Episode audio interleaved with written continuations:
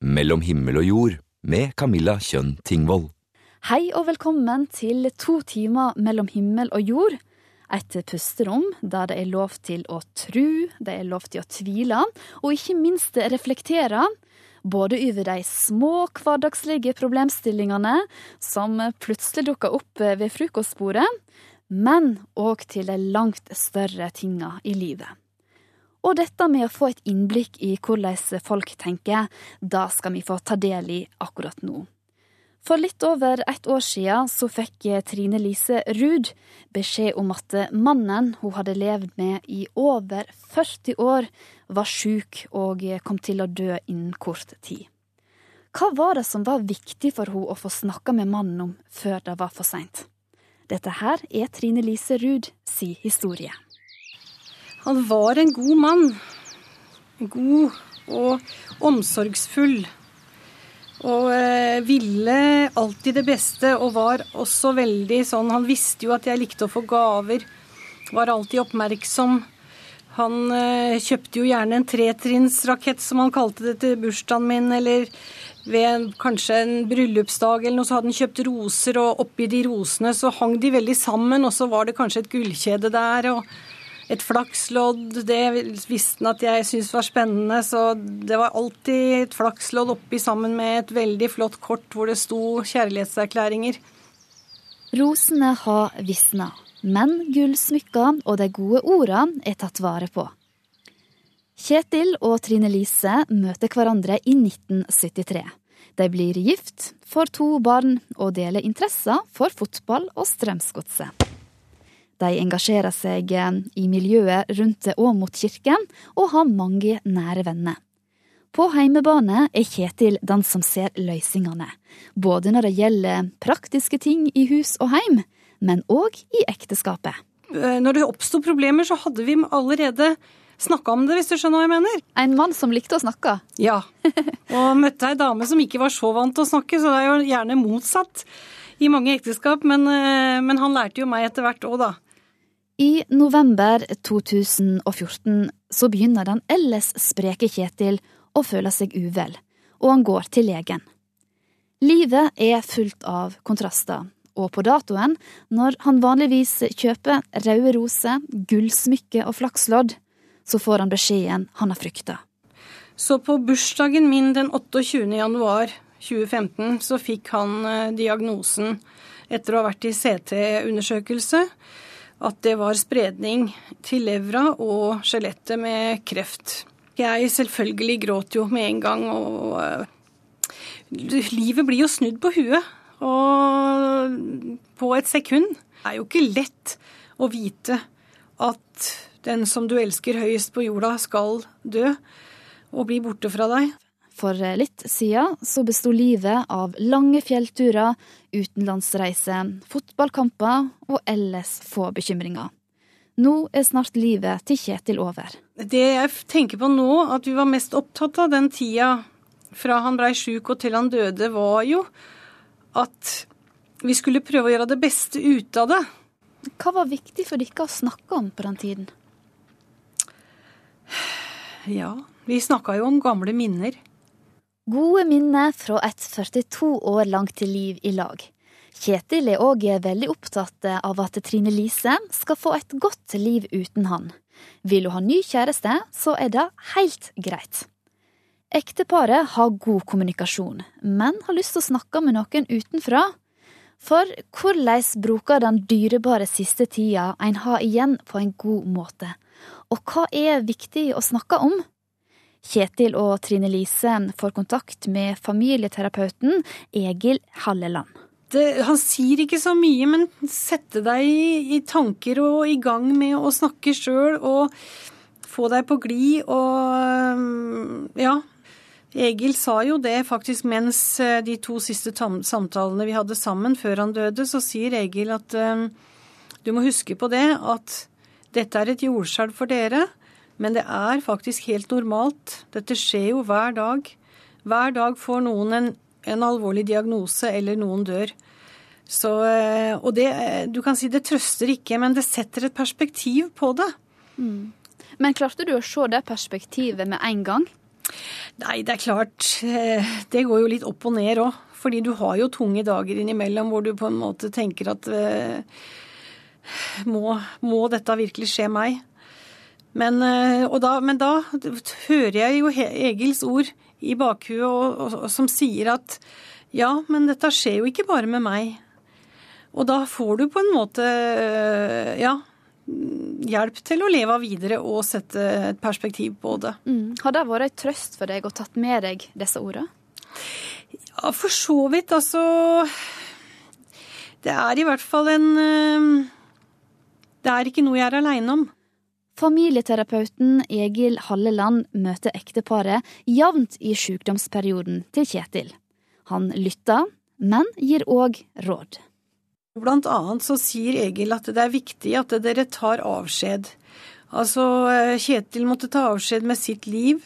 Han måtte ta avskjed med, med meg og ungene våre, barnebarna, familien og venner.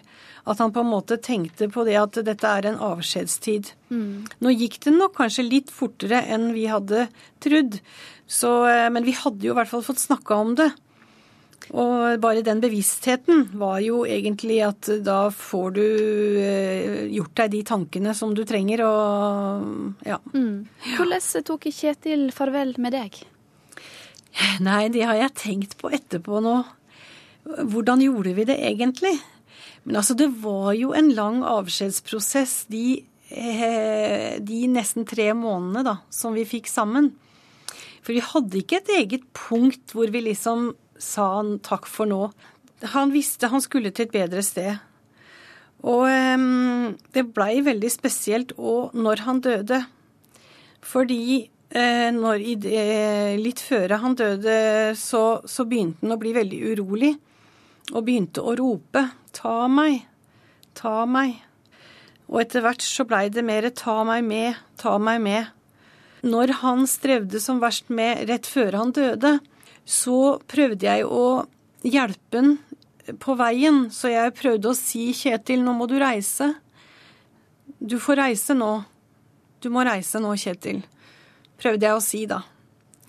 Da, da, da på en måte tenkte jeg at da, får, da, la jeg han få dra, og, og det ble på en måte en avskjed. Den siste avskjeden, da. Så eh, det blei på en måte for meg et bevis på at han reiste til et annet sted. Ja, vi tror jo på et liv etter døden, og det har ikke minst nå blitt eh, enda mer eh, sannsynlig for meg, selv om du hele tida tviler, selvfølgelig, så er det er medlem av Den norske kirke, da, og Hvordan var det for deg å skulle si akkurat det du nå nevnte? Nei, det, det var jo Det var jo fælt. Men jeg klarte på en måte du, du, du får jo krefter oppi en sånn situasjon, og selvfølgelig kommer reaksjonen etterpå, da. Når han er død, så var det selvfølgelig Da blei det jo mye gråt. Det gjorde det jo, det. Det hører selvfølgelig med. Altså, det var jo ikke rart. Hvor fikk du disse kreftene fra i denne perioden, tror du?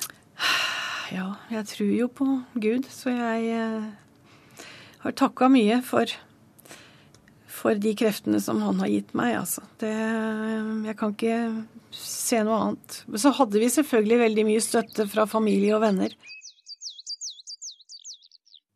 Det er snart et år siden den varme aprilkvelden da Trine Lise tok farvel med Kjetil.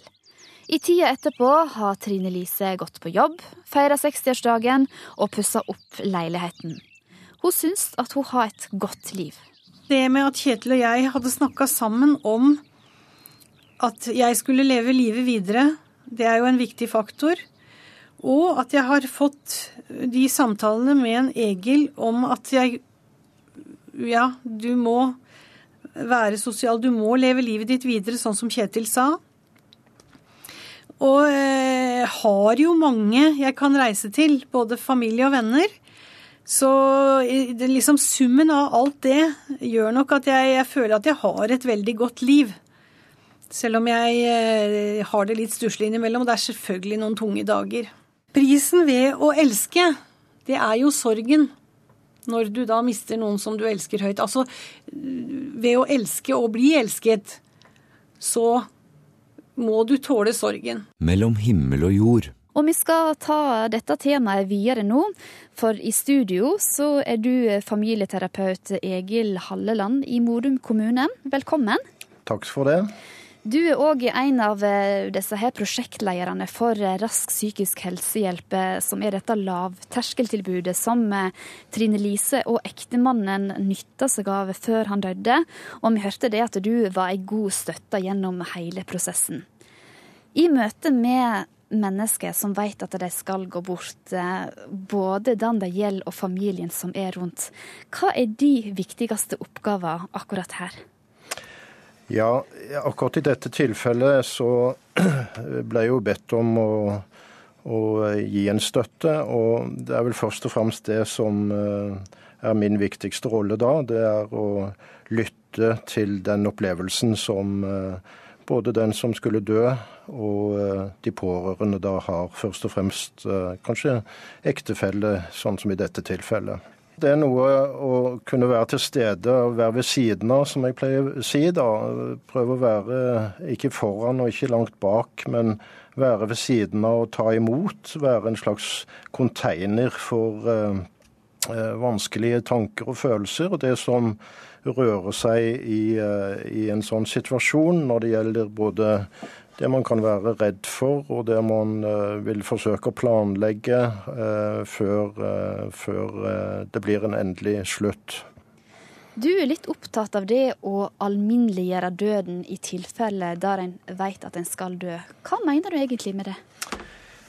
Ja, altså det snakkes veldig mye om, om denne, type, ja, denne type samtaler, behovet for å snakke sammen disse samtalene foregår ofte både i sykehus og sykehjem og på eh, lindrende avdelinger osv. Det er masse gode hjelpere som eh, er opptatt av dette og har vært opptatt av det i årevis. Men eh, folk i alminnelighet har vel kanskje en tendens til å skyve dette faktum noe fra seg, dette med at vi alle skal dø. Det er jo det eneste som er felles for oss, det er jo at vi blir født og at vi skal dø. Og mellom der så er det meste forskjellig. Mm. Og før i tiden, så for riktig lenge siden, så hilste man faktisk hverandre med uttrykket 'memento mori', som betyr 'husk at du skal dø'. Uh, og nå mener ikke jeg at vi skal gå rundt og hilse hverandre på den måten i dag, men uh, det å ha en bevissthet rundt at vi vi ikke er evigvarende, vi skal dø. Det gjør oss også litt mer bevisst på eh, hvordan vi vil leve livet mens vi lever. Mm. Mm. Men eh, hva tror du er grunnen til at, eh, at en ikke er så bevisst på det i dag, da, som en kanskje var før?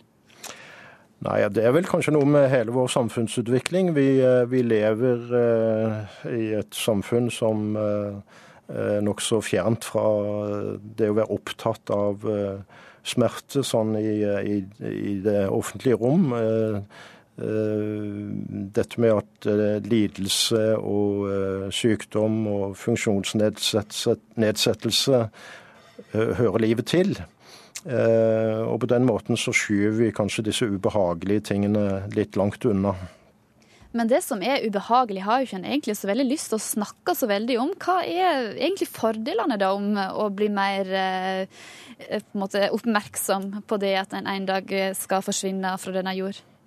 Nei, kanskje på den ene siden dette med å ha et mer realistisk forhold til hva et menneskeliv er, og hva det vil inneholde av eh, krav til omstilling også, etter hvert som vi blir uh, uh, eldre og kanskje får en del funksjonssvikt. Eh, og for det andre dette med å glede oss over eh, alle de dagene vi får som er frie for smerte og, og lidelse. Det å kunne glede oss sammen og eh, bruke livet bevisst på en veldig positiv måte. Mm. Men døden den kan jo for mange virke brutal, urettferdig. Altså Det kan være et ungt menneske som har fått en sånn beskjed om at han skal gå bort. Hvordan rettferdiggjør du døden, da? Eh, man kan jo ikke rettferdiggjøre eh, døden eh, på den måten, tenker jeg da. Jeg kan si Alle de plager og de hendelser som skjer med mange mennesker, er jo urettferdig fordelt. Det må vi på en måte leve med. Sånn at det er veldig vanskelig å ha et rettferdighetsfokus på, på alt dette.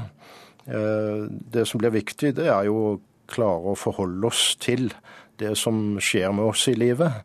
Og også det som kan være veldig vanskelig, og, også knytte seg til, eh, til død. Eh, du sa noe til Trine Lise som eh, hun beit seg merke i.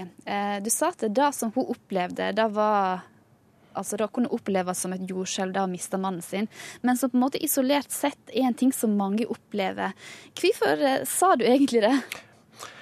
Ja, si det. Eh, dette handler jo om at, eh, at eh, veldig mange er i samme situasjon.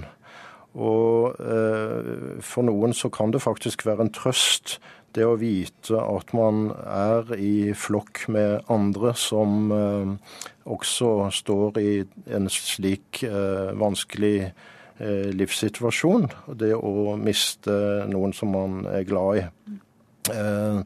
Så eh, på en måte så er det for å unngå at man skal føle seg så veldig alene eh, når vi tar opp akkurat dette, at eh, mange andre opplever dette også, og at på den måten så normaliserer vi litt også og alminneliggjør den type opplevelse, som, mm. som selvfølgelig er veldig, veldig vanskelig.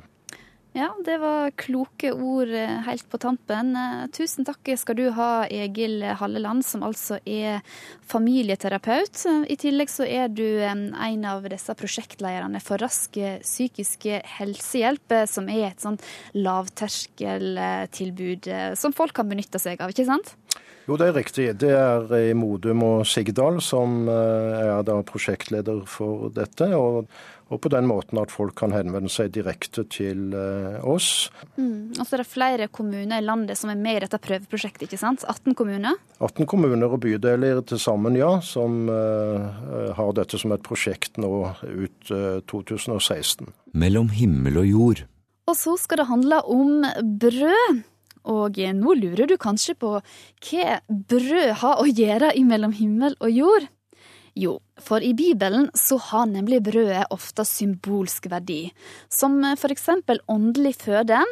Jeg er livets brød, sa for eksempel Jesus. Men det handler selvsagt òg om noe så trivielt som å tilføre kroppen næring, sånn som du gjør kanskje nå eh, når du sitter og et frokost. Og næring eh, trengte for eksempel israelittene da de var på ørkenvandring i 40 år. Og Bibelen sier at det brød skulle komme fra himmelen. Men var det egentlig brød de fikk? Vet du hva manna fra himmelen er? Mm, nei, jeg vet hva det betyr, hva det ble brukt som i dag, i overført betydning. Men jeg vet ikke hva det originalt stammer fra, nei. Men det vet jeg ikke. Blant tydeligvis med bøker og kunnskap på en bokhandel i Trondheim er jeg ute i et spesielt ærend. Jeg vil vite hva folk forbinder med manna. Manna fra himmelen. Mat, mat. 458. Uh.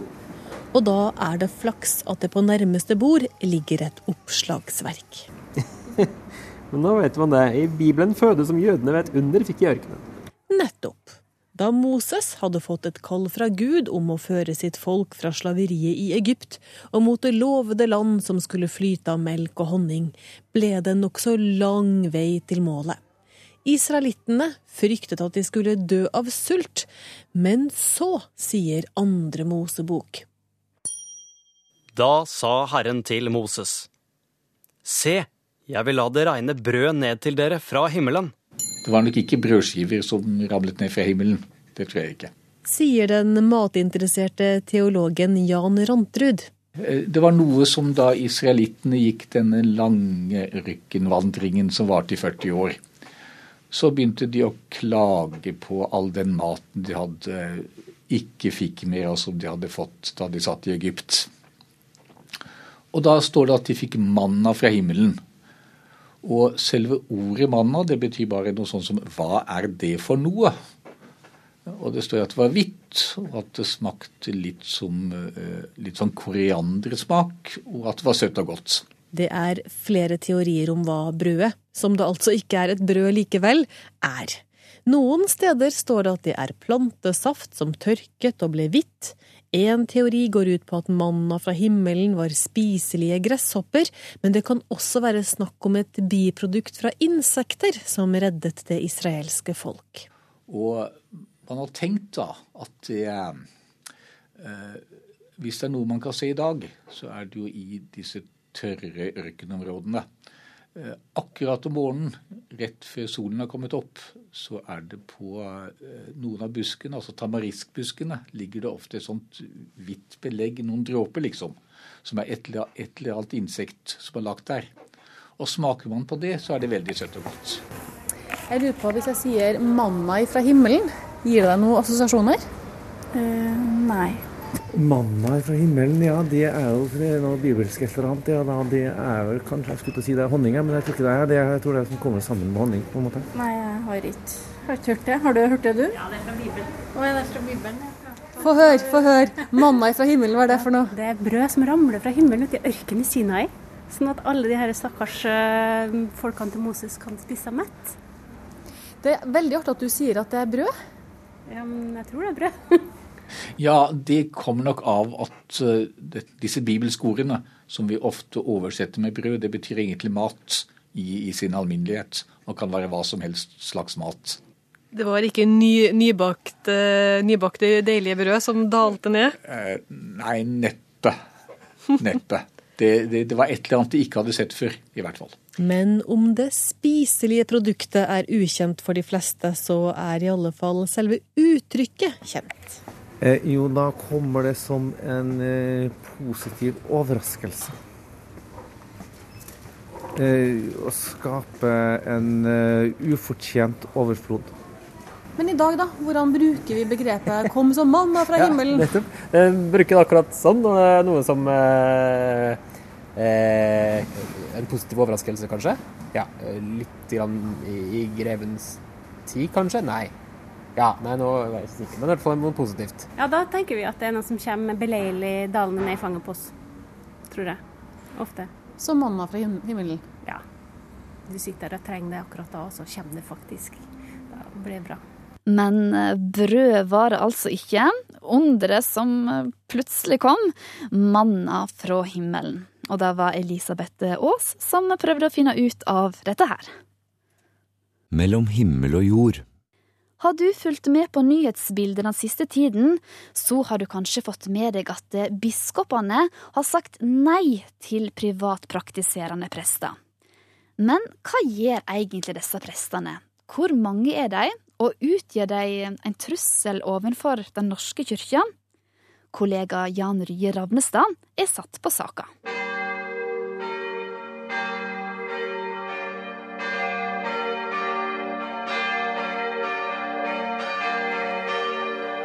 Kirkeklokkene landet rundt ringer for begravelser, bryllup og dåp. Vanligvis har de kirkelige handlingene vært ledet av ansatte prester i Den norske kirke. Men den senere tid har presteutdannede uten fast stilling i kirken med eget firma også tilbudt slike tjenester mot betaling. Bispemøtet har nå med dette vedtaket sagt klart nei til at privatpraktiserende prester kan gjøre tjeneste i kirken.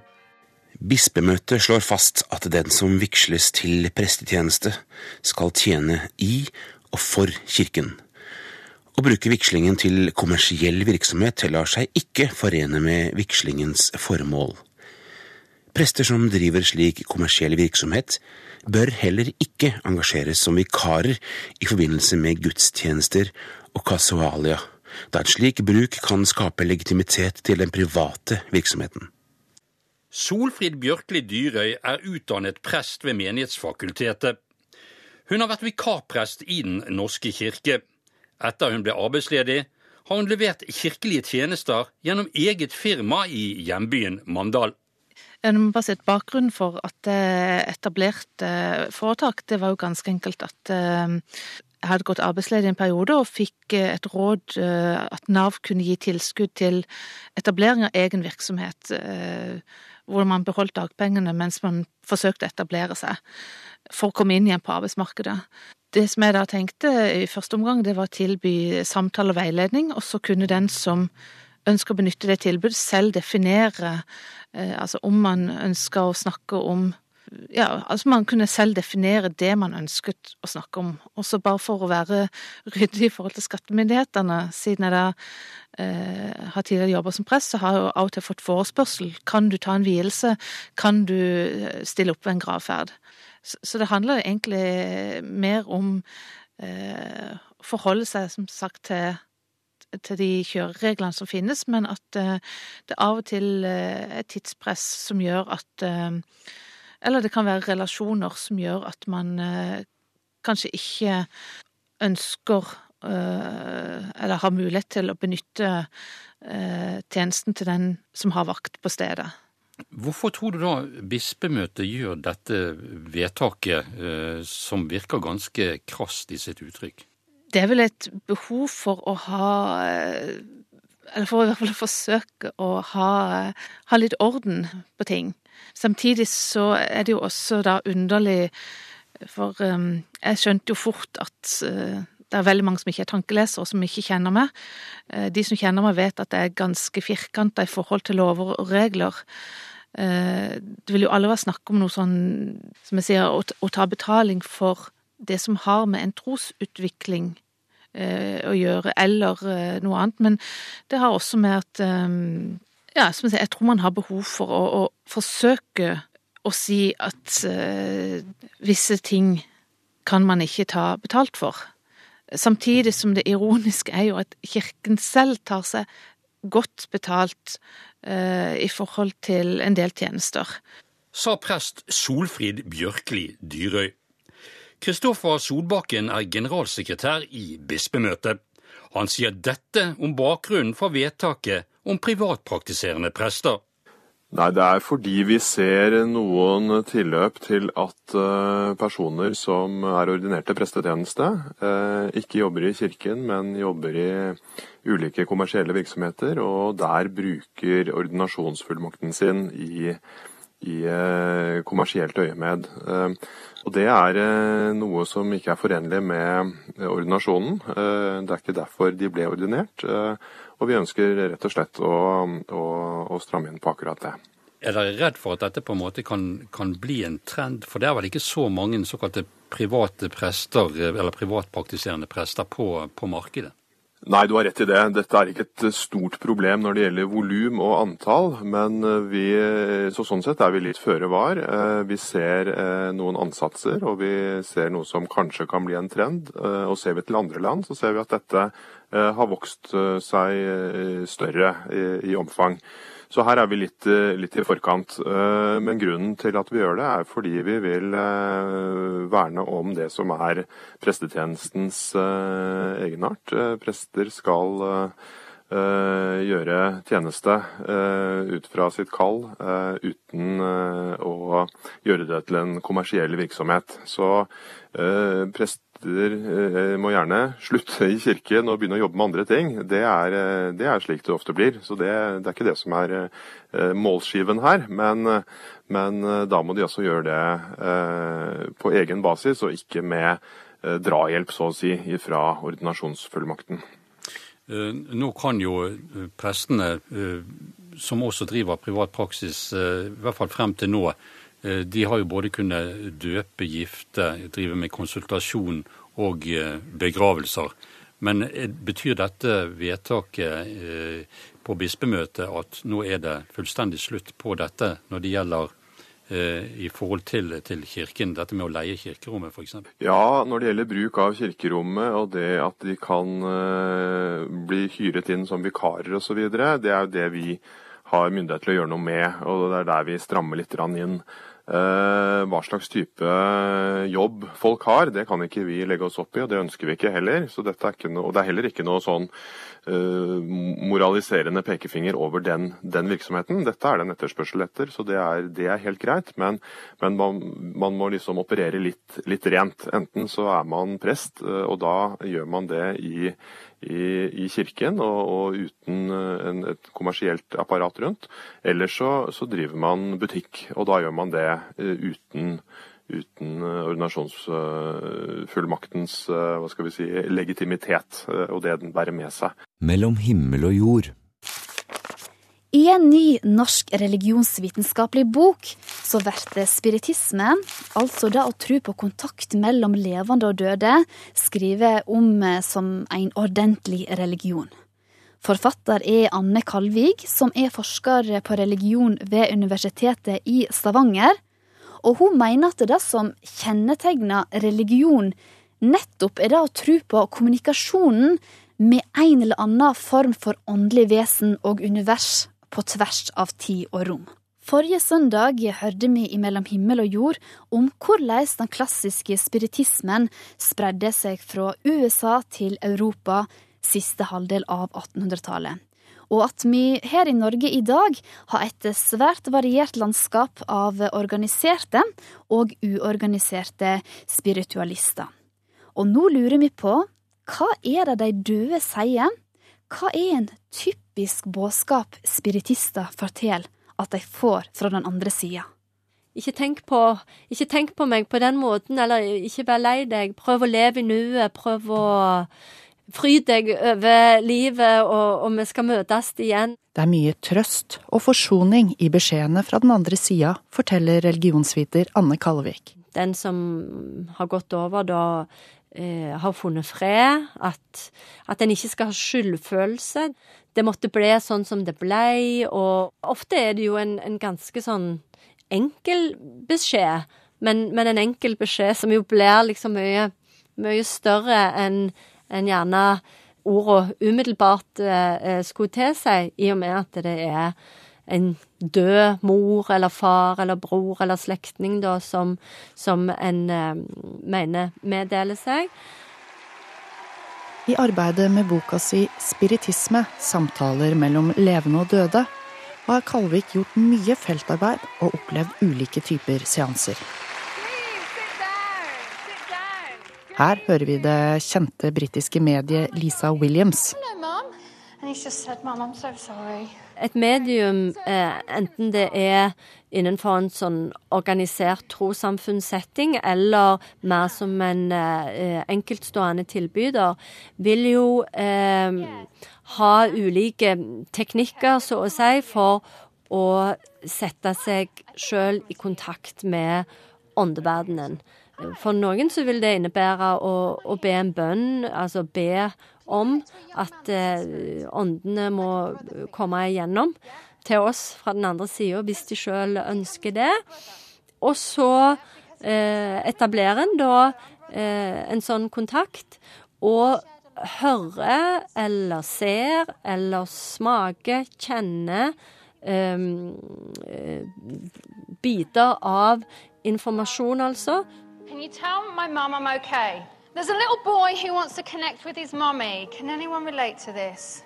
Og eh, den formidlinga fra da den andre sida, sånn som en oppfatter det, eh, den blir jo eh, forstått både som et bevis på vårt evige liv, på åndens evige liv, eh, og blir også forstått ofte som å ha en, en slags helbredende eh, effekt.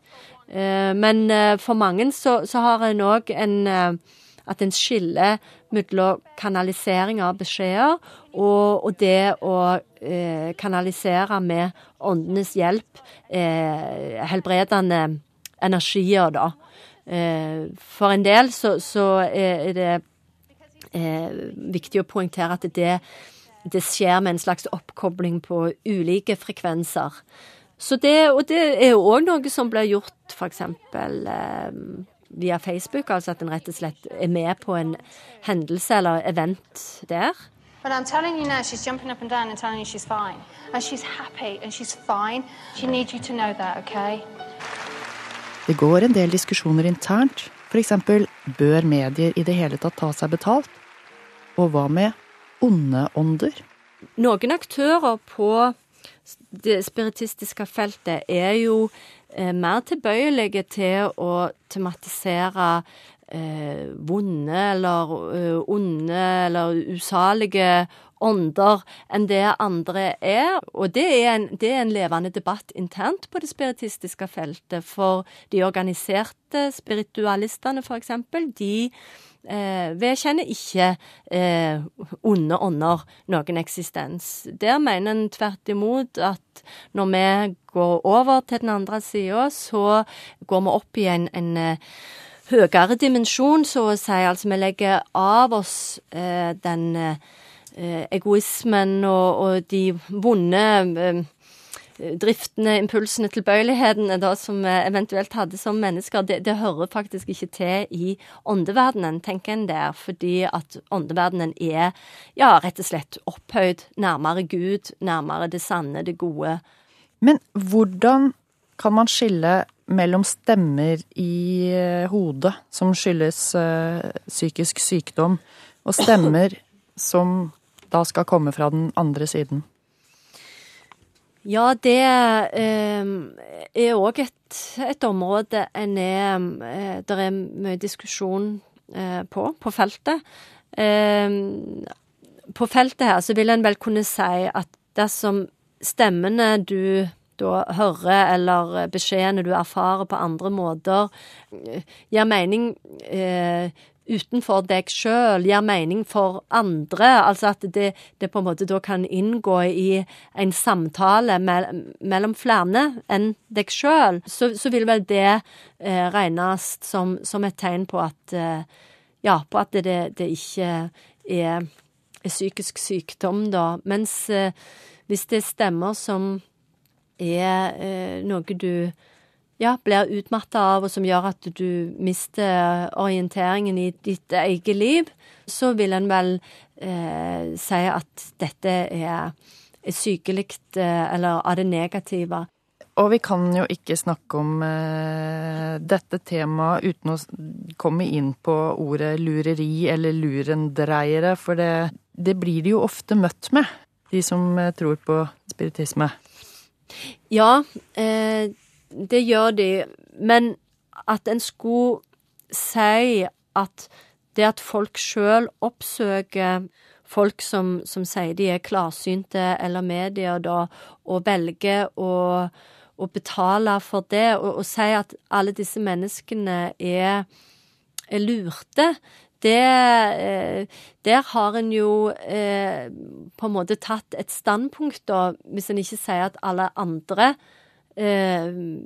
religiøse produkt og praksiser og, og, betalinger innebærer samme type lureri. Altså hvis en ikke sier at det gjelder da for alt som ikke kan måles og veies med naturvitenskapelige metoder, da. Gjør en ikke det, så, så driver en jo med et dobbelt bokholderi, vil jeg mene. Da sa religionsviter Anne Kalvig. Hun har skrevet boka Spiritisme samtaler mellom levende og døde, og hun hadde snakka med kollega Ragnhild Sleire Øyen. Og visste du at spiritisme og kvinnesak var tett eh, sammenfletta i starten?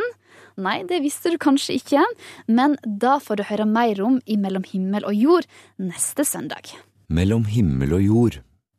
Du, nå skal du få et spørsmål av meg. Hva er det du er mest redd for skal skje?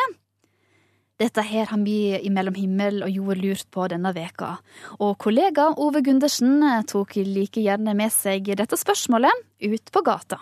Eh, jeg er mest redd for skole og å ikke klare seg på skolen. Og, og ikke være god nok for foreldre og venner.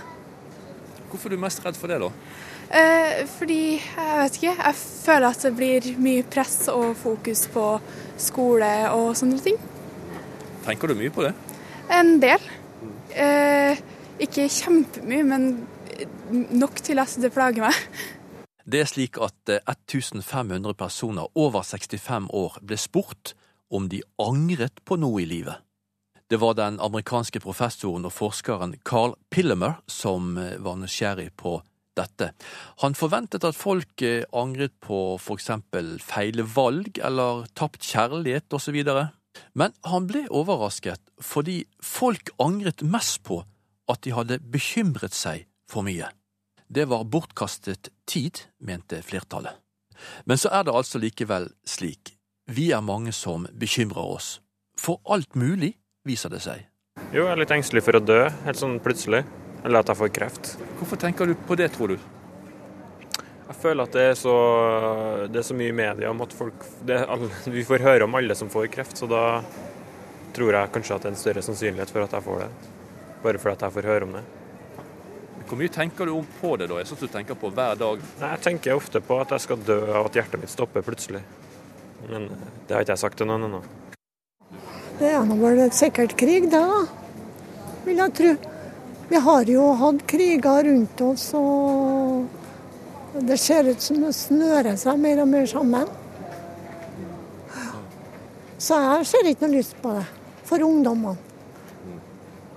Du smiler likevel. Ja. Jeg må jo det. Man kan jo skrike, men eh, du, du flirer jo. Så lenge det er som det er. Men eh, jeg tror de har en stor jobb, de som har ansvar. Er sånn at du kan bekymre såpass mye at, du, eh, at det kan gå utover nattesøvnen av og til, eller? Det kan det, ja. Det kan det, ja. Ser helst ikke på nyhetene om kveldene, nei. Eh, jeg har blitt litt mer bekymra og engstelig for å kjøre bil. Fordi man vet ikke hvem som kjører forbi eller passerer det. Så det er jeg litt engstelig for. Um, og det er jo det skumleste man gjør, å sette seg inn i en bil og kjøre. Så det er litt engstelig for og bekymra for hvem som sitter i den andre bilen. Men eh, bekymra for at jeg får gjort alt jeg vil, kanskje. Vil du så mye, da? Ja. Hva for eksempel? Få meg en eh, god jobb, bli ferdig utdanna, få meg familie. Får jeg meg hus, kommer jeg meg med på boligmarkedet. Det er jo et bekymringsmoment. Men det er små ting, da. Ja, Det er ikke småting, det. Det er jo store ting. Det er store ting som sikkert eh, man ikke trenger å være bekymra for. Er dere kjærester, eller? Ja. Hva syns du om at han bekymrer seg for at han skal dø, da? Jeg tenker det er noe alle gjør, kanskje. Så jeg er ikke så bekymra for det, egentlig. Hvis han dør, så er det på en måte ikke noe man kan gjøre noe med. Uh, Ungene mine er at det skal skje dem noe. Kommer ut for ulykke, uh, overgrep.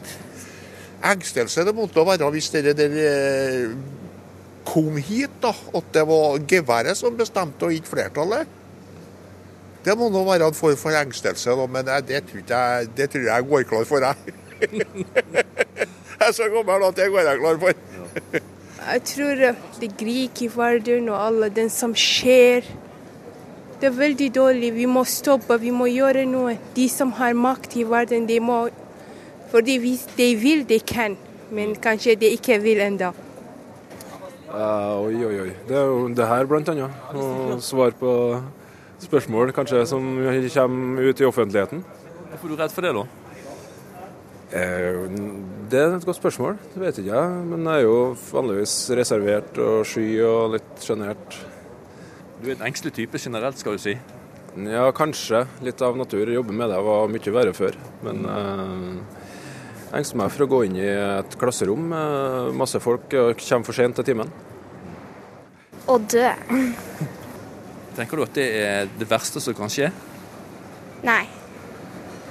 At jorda går under er det verste som kan skje. Jeg er ikke den typen som, som bryr meg om bagateller og sånt. For at det er veldig mye sånt, skjønner du. Hvis folk slutter å bygge som bagateller, så fikk de det ganske bra, altså.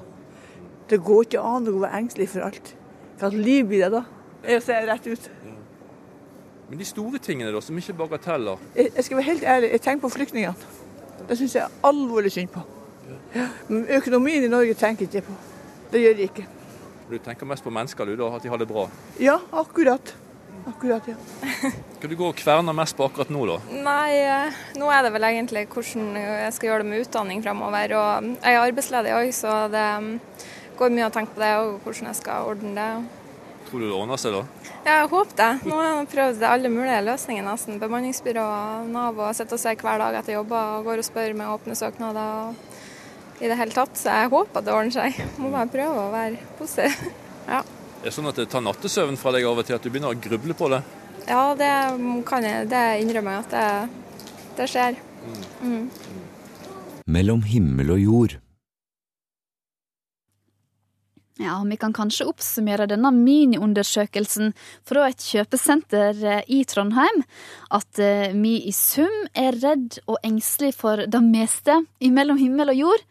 Utgangspunktet for eh, denne spørrerunden som du nå har hørt, var altså en amerikansk undersøkelse der folk over 65 år ble spurt om hva de angrer mest på i livet.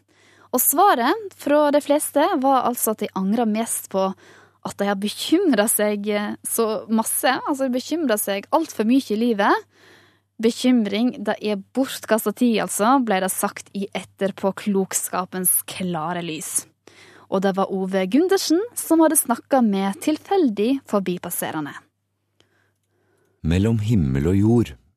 Hva inntrykk sitter du igjen med etter et langt liv? Ja, dette spørsmålet ble veldig aktuelt for Jon Magnus da han pensjonerte seg i fjor. For i over 40 år så har Jon Magnus reist verden rundt i rollen som journalist i utenriksredaksjonen til VG. Det har resultert i ei bok der han går i sine egne fotspor og på nytt oppsøker plassene som har gjort størst inntrykk på han. Her er ei av opplevelsene som har gjort inntrykk på den erfarne journalisten. Armero er en annen av disse stedene jeg har vært i. Altså Armero er en, eller var, en by med ca. 30 000 mennesker i Colombia oppe i regnskogen i Colombia, noen eh, syv-åtte timers biltur oppe i fjellene fra, fra Bogotá. Eh, og i 1986 så ble den byen utryddet. Det var et vulkanutbrudd oppe i fjellene. På toppen av denne vulkanen så var det en iskappe på 20 meters tykkelse. Og den iskappen den smeltet eh, av lavaen. Smeltevannet veltet nedover eh, vulkansiden og utløste et leirskred, et gjørmeskred, som kom dundrende nedover en dal. 20 meters høyde, 60-70 km fart. Nederst i dalen lå Armero eh, med sine 30 000 innbyggere, og byen forsvant. 25 000 ble drept momentant. Eh, resten klarte seg. Jeg kom ned noen timer etterpå, og min eh, kollega, fotografkollega den gangen, Erik Poppe, han kom over fra Norge. Og vi var oppe i dette helvetet i ja, ti-tolv dager, jeg husker ikke lenger akkurat. Men, men vi kom opp til en, en scene der tusener på tusener på tusener av lik fløt rundt i gjørma.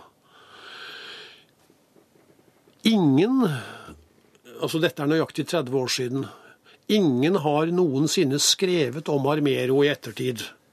Og jeg har tenkt, hva skjedde egentlig der oppe? Bygget de byen opp igjen? Så ringte jeg til Erik Poppe her i fjor og sa Erik, skal du være med over? Og Erik ble med. Vi dro opp der og kom opp til regnskogen. Og byen var ikke bygget opp. Denne 15 meter tykke gjørma hadde størknet. Her og der stakk det opp et kirketårn, et husmøne, et gjerde. Regnskogen hadde vokst opp på nytt over denne byen, der hvor byen var. Nå var trærne 15-20 meter høye.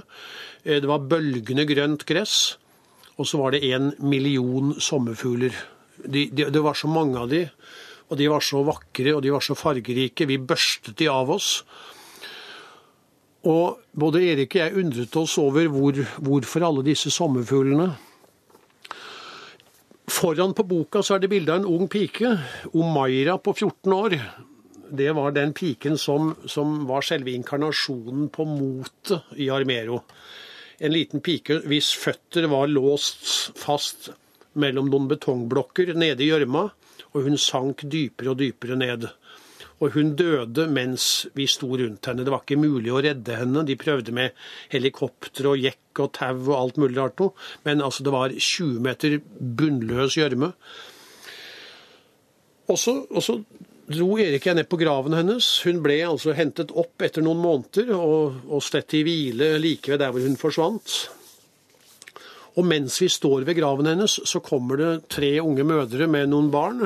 Og så sier et av barna 'mamma, mamma, hvorfor er det så mange sommerfugler her?'